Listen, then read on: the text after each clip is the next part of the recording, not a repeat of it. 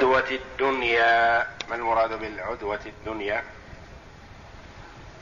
حافة الوادي القريبة من المدينة الدنيا مؤنث الأدنى مؤنث الأدنى أي القريبة من المدينة أي حافة الوادي القريبة من المدينة.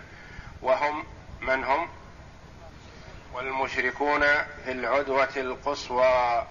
يعني القريبة من مكة البعيدة عن المدينة والقصوى مؤنث الأقصى. والركب أسفل منكم ما المراد بالركب؟ العير التي مع أبي سفيان. أسفل منكم. أسفل إلى جهة البحر بينها وبين النبي صلى الله عليه وسلم ومن معه من المؤمنين كم تقدر؟ كما ذكر ذلك البغوي وجمع من المفسرين. ثلاثة أميال يعني أقل من خمسة كيلو بمئتي متر.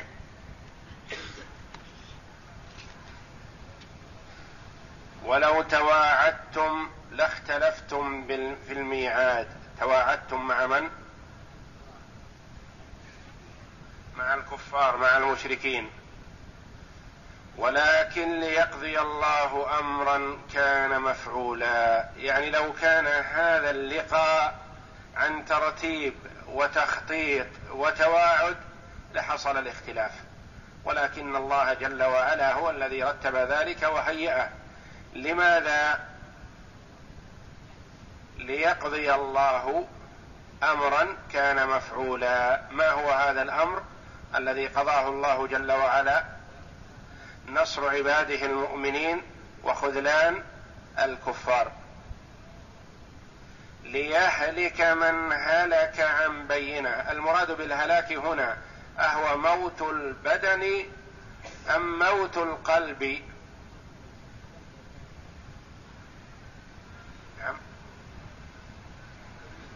ليهلك.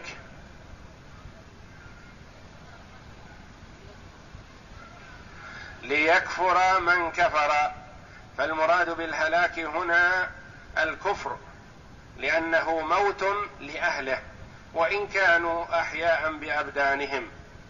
ليهلك من هلك عن بينة. المراد بقوله بينة يعني بصيرة وعلم.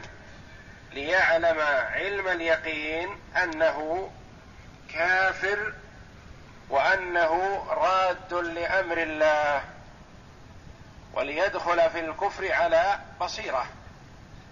يعني لا يظن أنه على حق لأن بعض من يقع في الباطل يظن أنه على حق. فالله جل وعلا نصر أولياءه وخذل أعداءه ليتضح الأمر. ويحيى من حي عن بينة. ما المراد بالحياة هنا؟ الإيمان. ليؤمن بالله من آمن على بصيرة وعلم ويقين بأنه على حق وعلى هدى.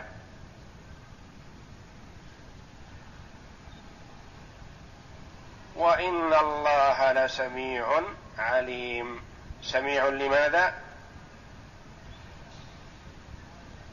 سميع لأقوال عباده ولدعائهم وتضرعهم عليم بمن يستحق النصر ممن لا يستحق ذلك فهو يعطي لحكمة ويمنع لحكمة مقترنة بالعلم فلا تخفى عليه خافية. لا ينصر الظالم جل وعلا ولا يخذل المظلوم أبدا. وإن الله لسميع عليم. وفي هذا إثبات صفة السمع والعلم لله جل وعلا. ومذهب أهل السنة والجماعة إثبات الصفات والأسماء لله جل وعلا على ما ورد في كتابه العزيز أو على لسان رسوله محمد صلى الله عليه وسلم من غير تشبيه ولا تمثيل. ولا تحريف ولا تعطيل. على حد قوله جل وعلا ليس كمثله شيء وهو السميع البصير. فلا يليق بنا نفي ما أثبته الله جل وعلا لنفسه كما لا يجوز لنا أن نشبه صفات ربنا جل وعلا بصفات خلقه.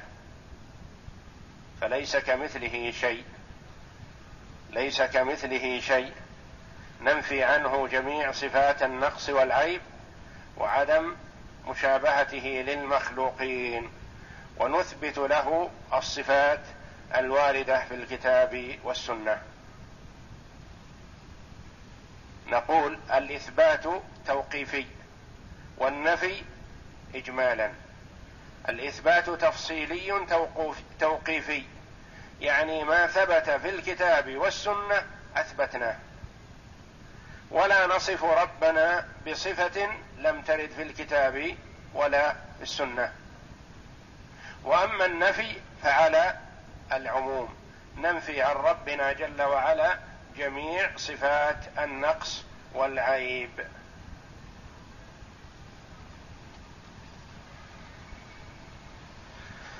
إذ يريكهم الله في منامك قليلا. أرى الله جل وعلا رسوله صلى الله عليه وسلم في المنام. من؟ أراه الكفار وأراه إياهم وهم قليل. ثم إن الرسول صلى الله عليه وسلم أخبر أصحابه بذلك فسروا واستبشروا وقالوا رؤيا الأنبياء حق فهم قليل. ولو أراكهم كثيرا لفشلتم. ولو أراكهم ولو رآهم النبي صلى الله عليه وسلم في المنام وكأنهم كثير ثم أخبر الصحابة بذلك لحصل الفشل. وهو الجبن عن ملاقاتهم.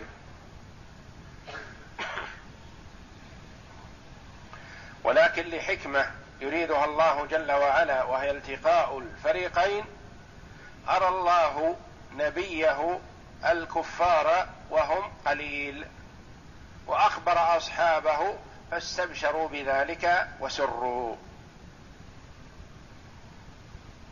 ولو اراكهم كثيرا لفشلتم ولتنازعتم.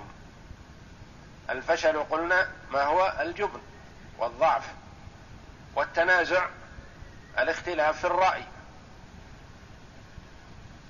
لو حصل هذا لحصل الفشل والتنازع الاختلاف في الرأي. لكان بعض الصحابة يقولون نلتقي معهم ونتكل على الله.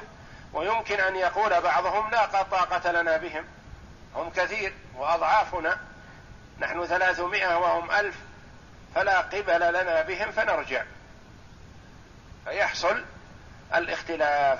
ولكن الله جل وعلا سلم من هذا الاختلاف ودبر ما أراده ونصر أولياءه. ولكن الله سلم إنه عليم بذات الصدور عليم بما في قلوبكم وعليم بما سيحصل لو أنك رأيتهم كثير. لأنه جل وعلا يعلم الشيء قبل أن يقع. واذ يريكموهم اذ التقيتم في اعينكم قليلا. هذه رؤيا ثانية. الرؤيا الأولى رؤيا النبي صلى الله عليه وسلم في في المنام. رآهم النبي في المنام وهم قلة. ثم لما تقارب الصفان قبل أن يلتحموا في القتال رآهم الصحابة رضوان الله عليهم وكأنهم قليل. كم يقدرونهم في هذه الرؤية؟ كما قال عبد الله بن مسعود رضي الله عنه لرجل بجواره أتراهم سبعين؟ قال لا بل أراهم مئة. وهم كم؟ يقول فلما أسرنا رجلا منهم سألناهم كم أنتم؟ فقالوا ألف. فالصحابة رضوان الله عليهم نشطوا وسروا حينما رأوا الكفار ما بين السبعين إلى المئة واستبسلوا ليقضوا عليهم. ويقللكم في أعينهم. كذلك الكفار رأوا كأن الصحابة عدد قليل. لما؟ ما الحكمة في ذلك؟ لأجل أن يستهينوا بالقتال مع هؤلاء. لأجل أن يستهينوا فلا يستعدوا ولا يستبسلوا ولا يتفانوا لأنهم قالوا عدد قليل ونحن كثير. كما قال أبو جهل ماذا قال لقومه؟ قال أراهم؟ أكلة أكلة جزور أو طعمة جزور. لا تقتلوهم ولكن اربطوهم بالحبال. فكانت الدائرة عليه وعلى أصحابه. والرؤيا هذه حصلت قبل التحام القتال. رأوا كأنهم قليل من أجل أن يستهتروا بهم. فلما تقارب الصفان ماذا رأى الكفار المؤمنين؟ رأوا كأنهم ضعفيهم. بدل ما هم كانوا ثلاثمائة وبضعة عشر رأوهم وكأنهم يزيدون على الألفين. لأجل أن يدخل الخوف في قلوبهم وتبدأ بهم الهزيمة فيضعف وتنهار قواهم فيفتك فيهم المسلمون قتلا واسرى ويقللكم في أعينهم ليقضي الله امرا كان مفعولا. ما هو؟ هو ما وعد به أولياءه من النصر والتأييد مع قلتهم وضعف عدتهم وكثرة عدوهم وقوة عدتهم إلا أن النصر بيد الله جل وعلا. وإلى الله ترجع الأمور. كل شيء يرجع إلى الله جل وعلا بإرادته وتدبيره. فما أراده الله جل وعلا كان وما لم يرده لم يكن.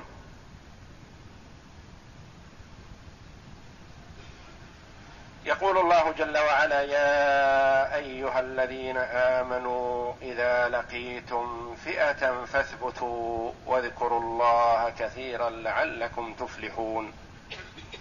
وأطيعوا الله ورسوله ولا تنازعوا فتفشلوا وتذهب ريحكم واصبروا إن الله مع الصابرين. هذه تعاليم ربانية يعلم الله جل وعلا عباده المؤمنين كيف يلقوا العدو.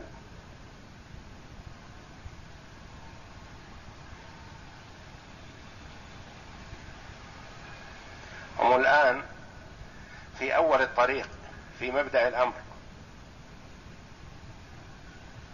خرجوا من مكة إلى المدينة فصار لهم دولة وصارت أول واقعة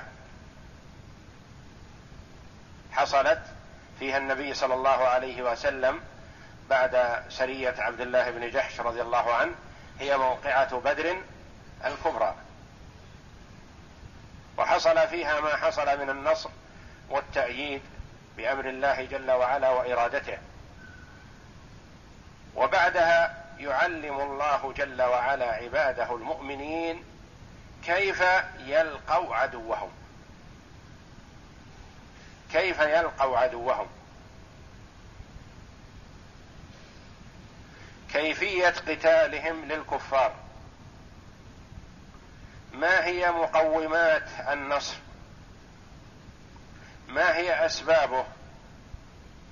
فيقول جل وعلا يا أيها الذين آمنوا إذا لقيتم فئة اللقاء هنا ما المراد به؟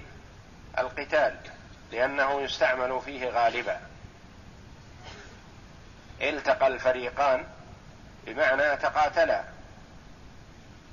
إذا لقيتم فئة وفئة بمعنى جماعة. جماعة أي جماعة؟ أم جماعة مخصوصة؟ جماعة مخصوصة ما هي؟ جماعة الكفار. لما لم تذكر هنا لما لم يقل إذا لقيتم فئة من الكفار فاثبتوا؟ لأنه معلوم بالضرورة. فالمؤمنون لا يقاتلون المؤمنين أبدا. المؤمنون لا يقاتلون المؤمنين أبدا وإنما يقاتلون من؟ يقاتلون الكفار أو من فيهم خصلة أو صفة من صفات الكفار وهم البغاة.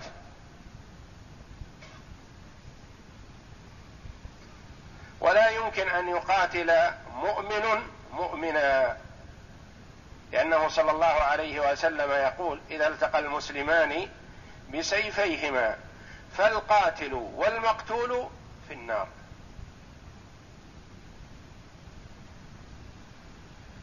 إذا التقى المسلمان بسيفيهما هما مسلمان لكنهما التقيا فقال عليه الصلاة والسلام القاتل والمقتول في النار. قالوا هذا القاتل يعني يستحق النار لقتله لأنه قتل أخاه المسلم فما بال المقتول؟ قال إنه كان حريصا على قتل صاحبه. إذا قوله جل وعلا إذا لقيتم فئة يعني كافرة. وهذا معلوم بالضرورة لأن المؤمن لا يقاتل المؤمن.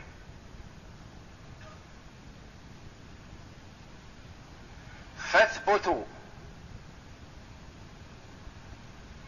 اثبتوا من الثبات. وهو القوة والعزيمة والإصرار على طلب النصر. وعدم المبالاه بالأعداء وإن كثروا.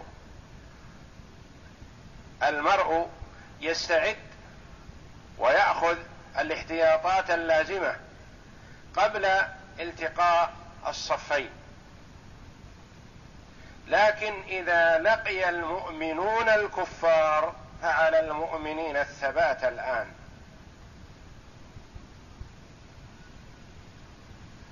عليهم الإصرار على القتال حتى يدركوا النصر. وهم في كلا الحالين إن حصل نصر أو هزيمة فهم رابحون. لأنه إن حصل النصر حصل الأجر والغنيمة. وإن حصل الأمر الآخر الذي هو القتل فإلى جنة عرضها السماوات والأرض فهم أحياء عند ربهم يرزقون. فلا عذر للمؤمن في الفرار ولا يقبل منه ذلك لأنه في كلا الأمرين على خير وإنما عليه أن يثبت لا يدخل الرعب على إخوانه فيظهر الجزع والخور والضعف.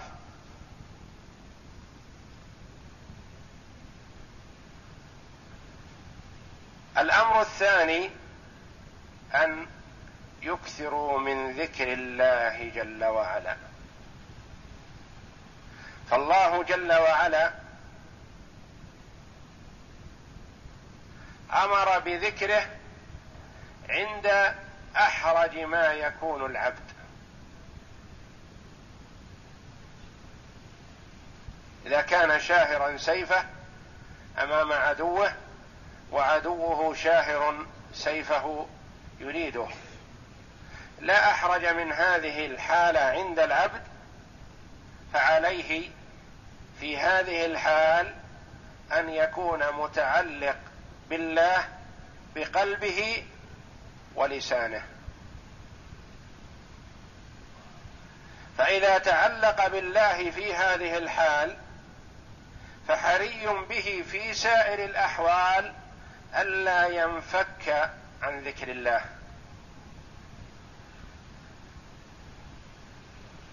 حري به الا ينفك عن ذكر الله أبدا. إذا أمر في هذه الحال أن يذكر الله في أحرج ما يكون عليه فحري به أن لا ينسى ذكر الله جل وعلا في أي لحظة. ولهذا شرع لنا النبي صلى الله عليه وسلم بعد قضاء الإنسان حاجته من بول أو غائط وخروجه من مكان قضاء الحاجة أن يقدم رجله اليمنى ويقول غفرانك. قال العلماء رحمهم الله هو في هذه الحال بعد خروجه من قضاء الحاجة يطلب من الله جل وعلا المغفرة. كأنه يقول إنني لم أذكرك هذه اللحظة من عمري فأطلب منك المغفرة لأنه لا يليق بي أن أذكرك وأنا على هذه الحال. فاستشعار بأنه حينما توقف عن ذكر الله في لحظة قضاء الحاجة طلب من الله جل وعلا المغفرة. فقال غفرانك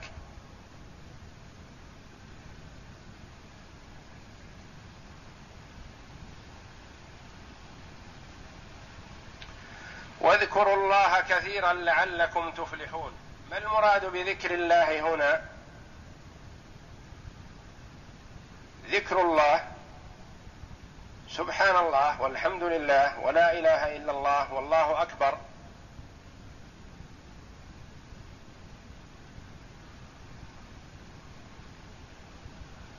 وهذا يسمى دعاء العبادة. يعني أن تعبد الله جل وعلا بذكره والثناء عليه. وقال بعض العلماء المراد بالذكر هنا طلب النصر من الله. يعني لا تتكلوا على قوتكم وعلى سيوفكم وعدتكم وإنما اطلبوا من الله النصر والتأييد.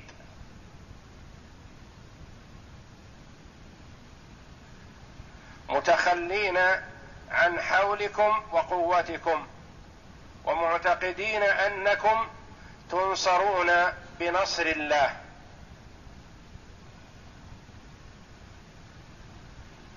واذكروا الله لعلكم تفلحون.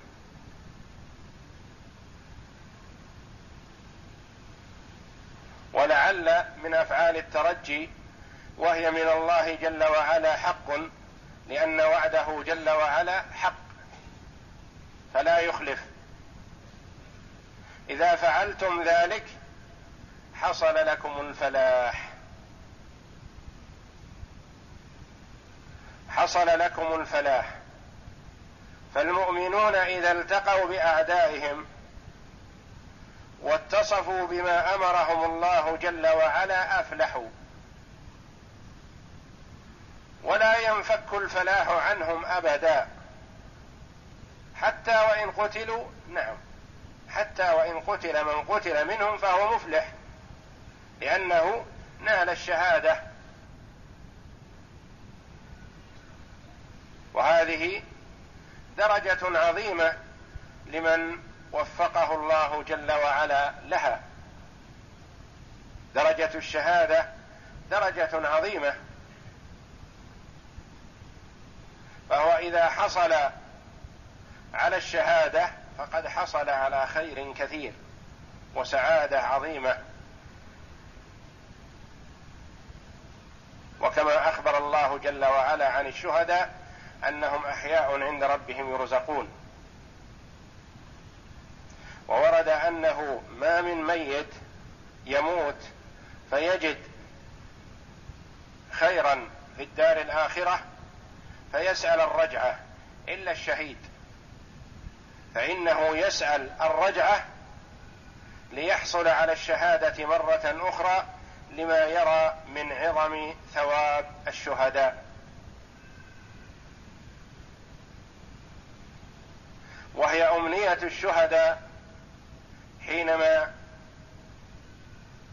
يسألهم ربهم جل وعلا ماذا تريدون؟ ويكرر عليهم جل وعلا أن يسألهم ماذا يريدون ليعطيهم ذلك فلا يسألون شيئا لأنهم في أكمل حال. فإذا كرر الله جل وعلا عليهم السؤال قالوا أن ترد أرواحنا إلى أجسادنا لنقتل في سبيلك مرة أخرى. فيخبرهم الله جل وعلا بأنه حكم بذلك ازلا بأنهم لا يردون إليها.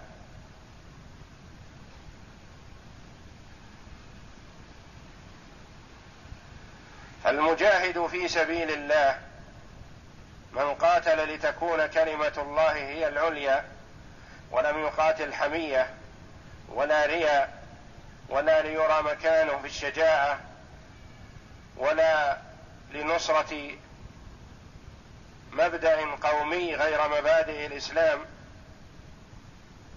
من قاتل لتكون كلمة الله هي العليا فهو في سبيل الله. فمن قاتل في سبيل الله فهو مفلح لا محالة. إما بالنصر والغلبة والأجر والغنيمة وإما بالشهادة. لعلكم تفلحون.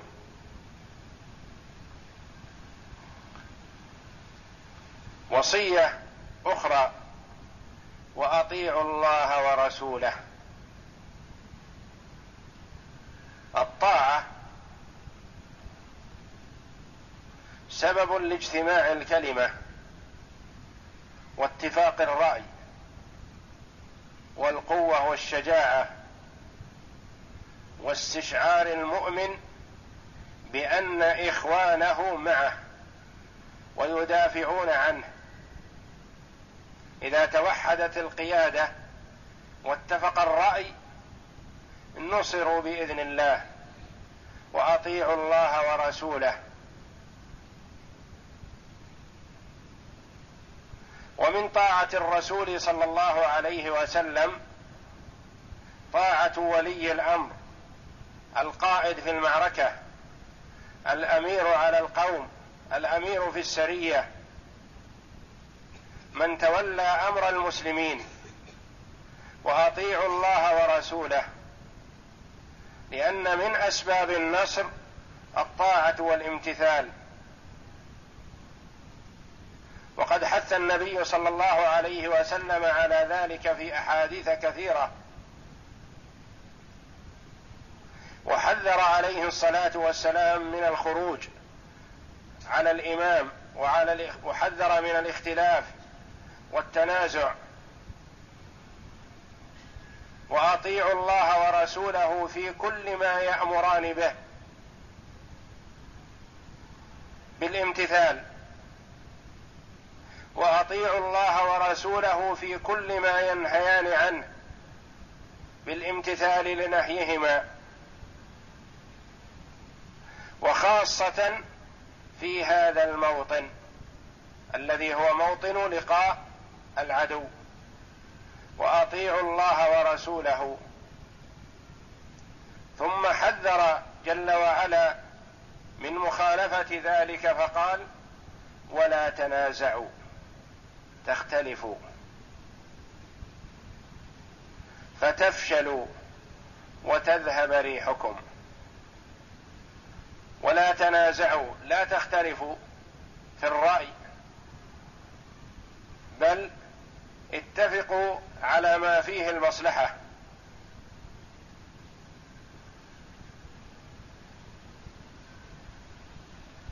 فتفشل عطف مسبب على سبب. لا تنازعوا فتفشلوا. أين المسبب؟ الفشل. وأين السبب؟ التنازع. ثم عطف مسببا آخر على سبب بعده قبله. فقال وتذهب ريحكم. فالتنازع سبب لماذا؟ للفشل. والفشل سبب لماذا؟ لذهاب الريح.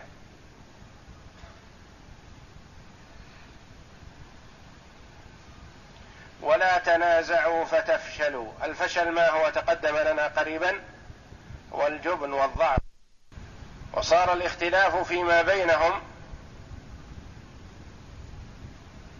فيضعف المرء عن ملاقاة عدوه. لأنه قد يشعر أن صاحبه مخالفا له. فإذا استشعر أن رأيه وراي صاحبه شيء واحد وأن صاحبه يدافع عنه استبسل. وقوي. وحصل عنده من الشجاعة الشيء الكثير. فتفشلوا وتذهب ريحكم. ذهاب الريح. قيل فيها قولان. ذهاب الريح الدولة والنصر والتأييد. يقال الريح لفلان أو قامت له ريح أو قويت ريح فلان بمعنى ظهر أمره وصارت كلمته مسموعة وأمره مطاع.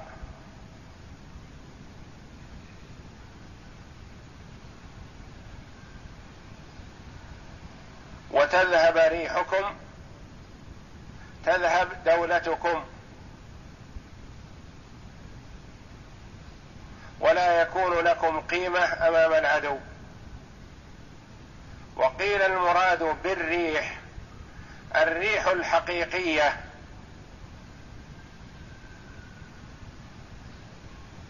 والله جل وعلا ينصر أولياءه بالريح.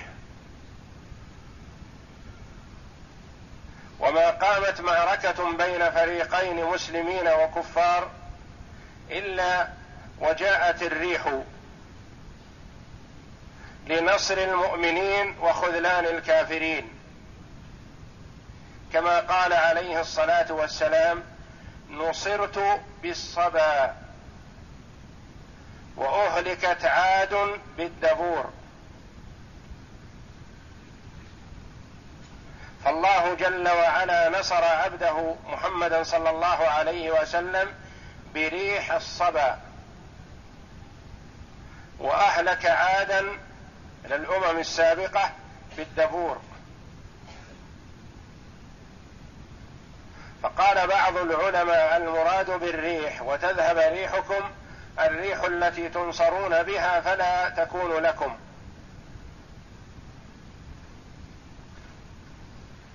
واصبروا أمر جل وعلا بالصبر لأن عاقبته طيبة وعاقبة الصبر النصر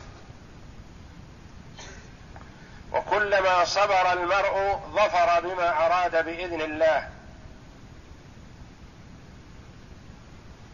وإذا استعجل أو أصابه اليأس أو القنوط ما حصل على مراده. واصبروا إن الله مع الصابرين. والله جل وعلا أثنى على الصابرين في مواضع كثيرة من كتابه العزيز. وقال جل وعلا إنما يوفى الصابرون أجرهم بغير حساب.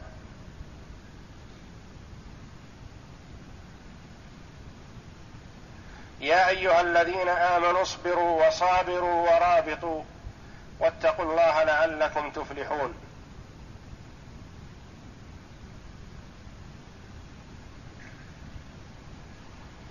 واصبروا إن الله مع الصابرين. ما المراد بهذه المعية؟ معية النصر والتأييد.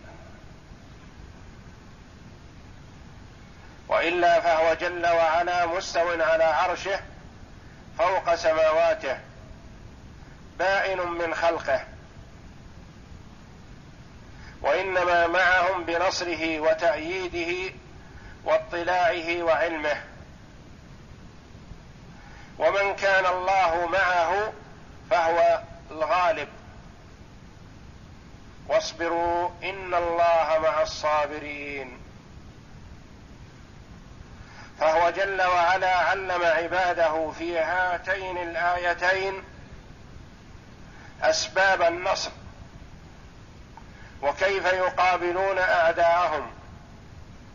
فقال يا أيها الذين آمنوا إذا لقيتم فئة فاثبتوا. واذكروا الله كثيرا لعلكم تفلحون. وأطيعوا الله ورسوله ولا تنازعوا.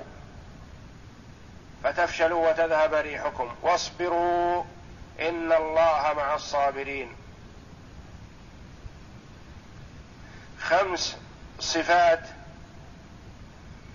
يجب على المؤمن أن يتصف بها وخاصة عند مقابلة الأعداء. فإذا اتصف بها نصر بإذن الله وأفلح وإن قتل فإنه حينئذ يقتل شهيدا. فهو مفلح لا محالة.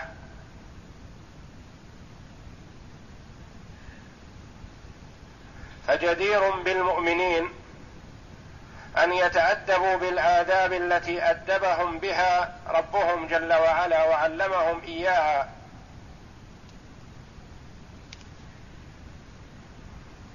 ويقتدوا في ذلك بنبيهم صلى الله عليه وسلم حيث يقول عليه الصلاة والسلام أدبني ربي فأحسن تأديبي. وأثنى الله جل وعلا على خلق رسوله محمد صلى الله عليه وسلم في قوله و وإنك لعلى خلق عظيم. ولما سئلت عائشة رضي الله عنها عن خلق رسول الله صلى الله عليه وسلم قالت كان خلقه القرآن.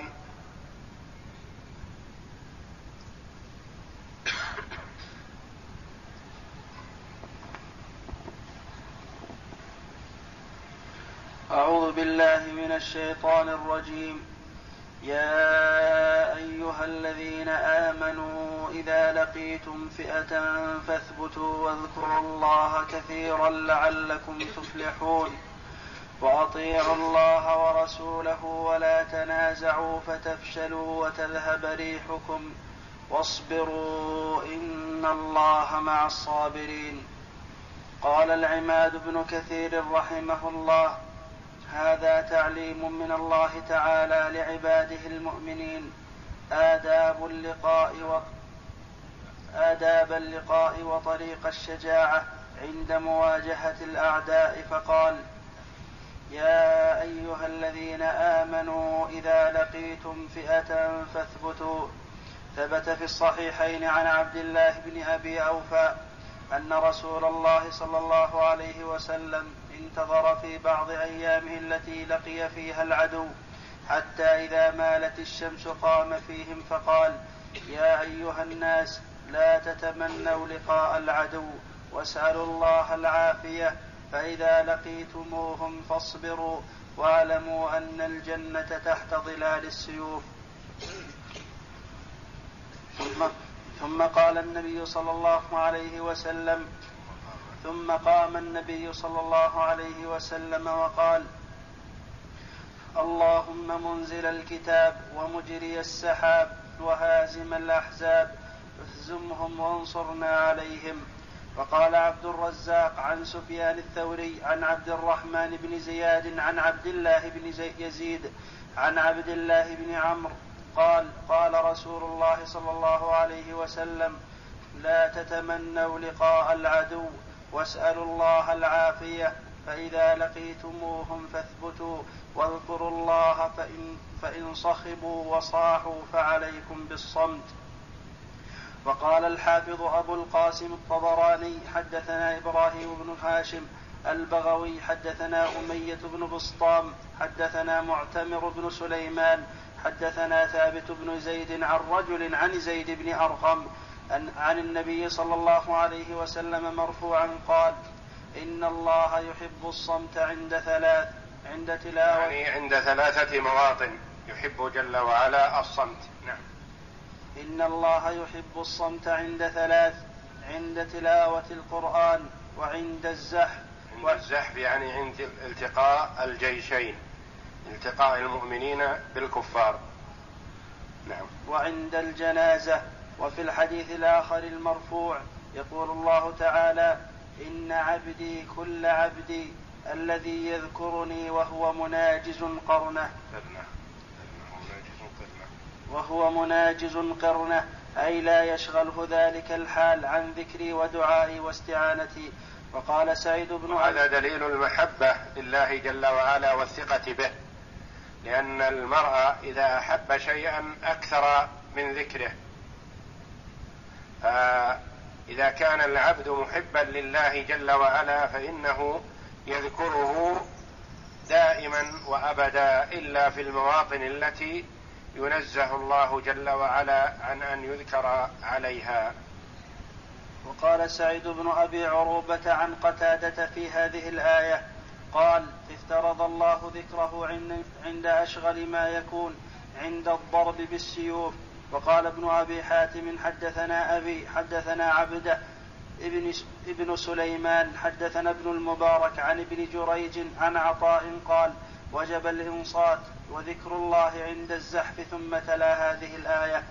قلت يجهرون بالذكر؟ قال نعم. وقال أيضا قرأ قرأ قرئ على, قرئ على يونس بن عبد الأعلى. أنبأنا ابن وهب أخبرني عبد الله بن, عب بن, عب بن عباس عن يزيد بن فوذر عن كعب الأحبار. قال ما من شيء أحب إلى الله تعالى من قراءة القرآن. والذكر ولولا ذلك ما أمر الناس بالصلاة والقتال. ألا ترون أنه أمر الناس بالذكر عند القتال فقال يا أيها الذين آمنوا إذا لقيتم فئة فاثبتوا واذكروا الله كثيرا لعلكم تفلحون. قال الشاعر ذكرتك ذكر ذكرتك ذكرتك والخطي يخ الخطي السيف. ذكرتك والخطي يخطر بيننا وقد نهلت فينا المثقفة السمر. وقال عنترة ولقد ذكرتك والرماح نواهل مني وبيض الهند تقطر من دمي. فأمر تعالى بالثبات عند قتال الأعداء والصبر على مبارزتهم. فلا يفروا ولا ينكلوا ولا, يجب ولا يجبنوا وأن يذكروا الله في تلك الحال ولا ينسوه بل يستعينوا به ويتوكلوا عليه. ويسألوه النصر على أعدائهم وأن يطيعوا الله ورسوله في حالهم. ذلك فما أمرهم الله تعالى به ائتمروا وما نهاهم عنه انزجروا ولا يتنازعوا فيما بينهم أيضا فيختلفوا فيكون سببا لتخاذلهم وفشلهم. وتذهب ريحكم أي قوتكم وحدتكم وما كنتم فيه من الإقبال. واصبروا إن الله مع الصابرين. وقد كان للصحابة رضي الله عنهم في باب الشجاعة والائتمار بما أمرهم الله ورسوله به وامتثال ما, وامتثال ما أرشدهم إليه ما لم يكن لأحد من الأمم والقرون قبلهم ولا يكون لأحد ممن بعدهم فإنهم ببركة الرسول صلى الله عليه وسلم وطاعته فيما أمرهم فتحوا القلوب والأقاليم شرقا وغربا في المدة اليسيرة مع قلة عددهم بالنسبة إلى جيوش سائر الأقاليم من الروم والفرس والترك والصقالبة والبربر وال وال والحبوش وأصناف السودان والقبط وطوائف بني آدم.